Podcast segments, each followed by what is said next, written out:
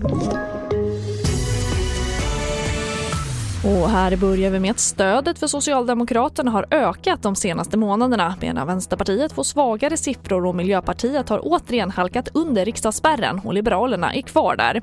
Och det här visar TV4s väljaropinion som publiceras idag. Och om de här siffrorna blev valresultatet skulle det block som leds av Moderaterna få majoritet i riksdagen med 178 mandat mot 171 för Socialdemokraterna och deras samarbetspartier. Och vi stannar kvar i politiken för imorgon startar Socialdemokraterna sin kongress i Göteborg. Och en av frågorna som väntas väcka livlig debatt är förslaget att all elproduktion i Sverige ska vara förnybar om 19 år.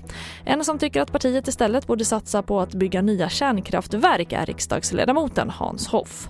Det finns såklart en risk med kärnkraften men det finns också en väldigt stor risk med klimatutmaningen och hela den globala uppvärmningen.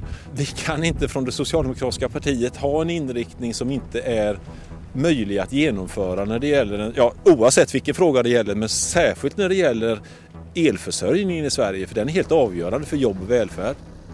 Och vi avslutar med att bostadspriserna föll på bred front i oktober. Lägenhets och huspriserna har fallit i samtliga regioner utom Storstockholm enligt SBAB och Booli.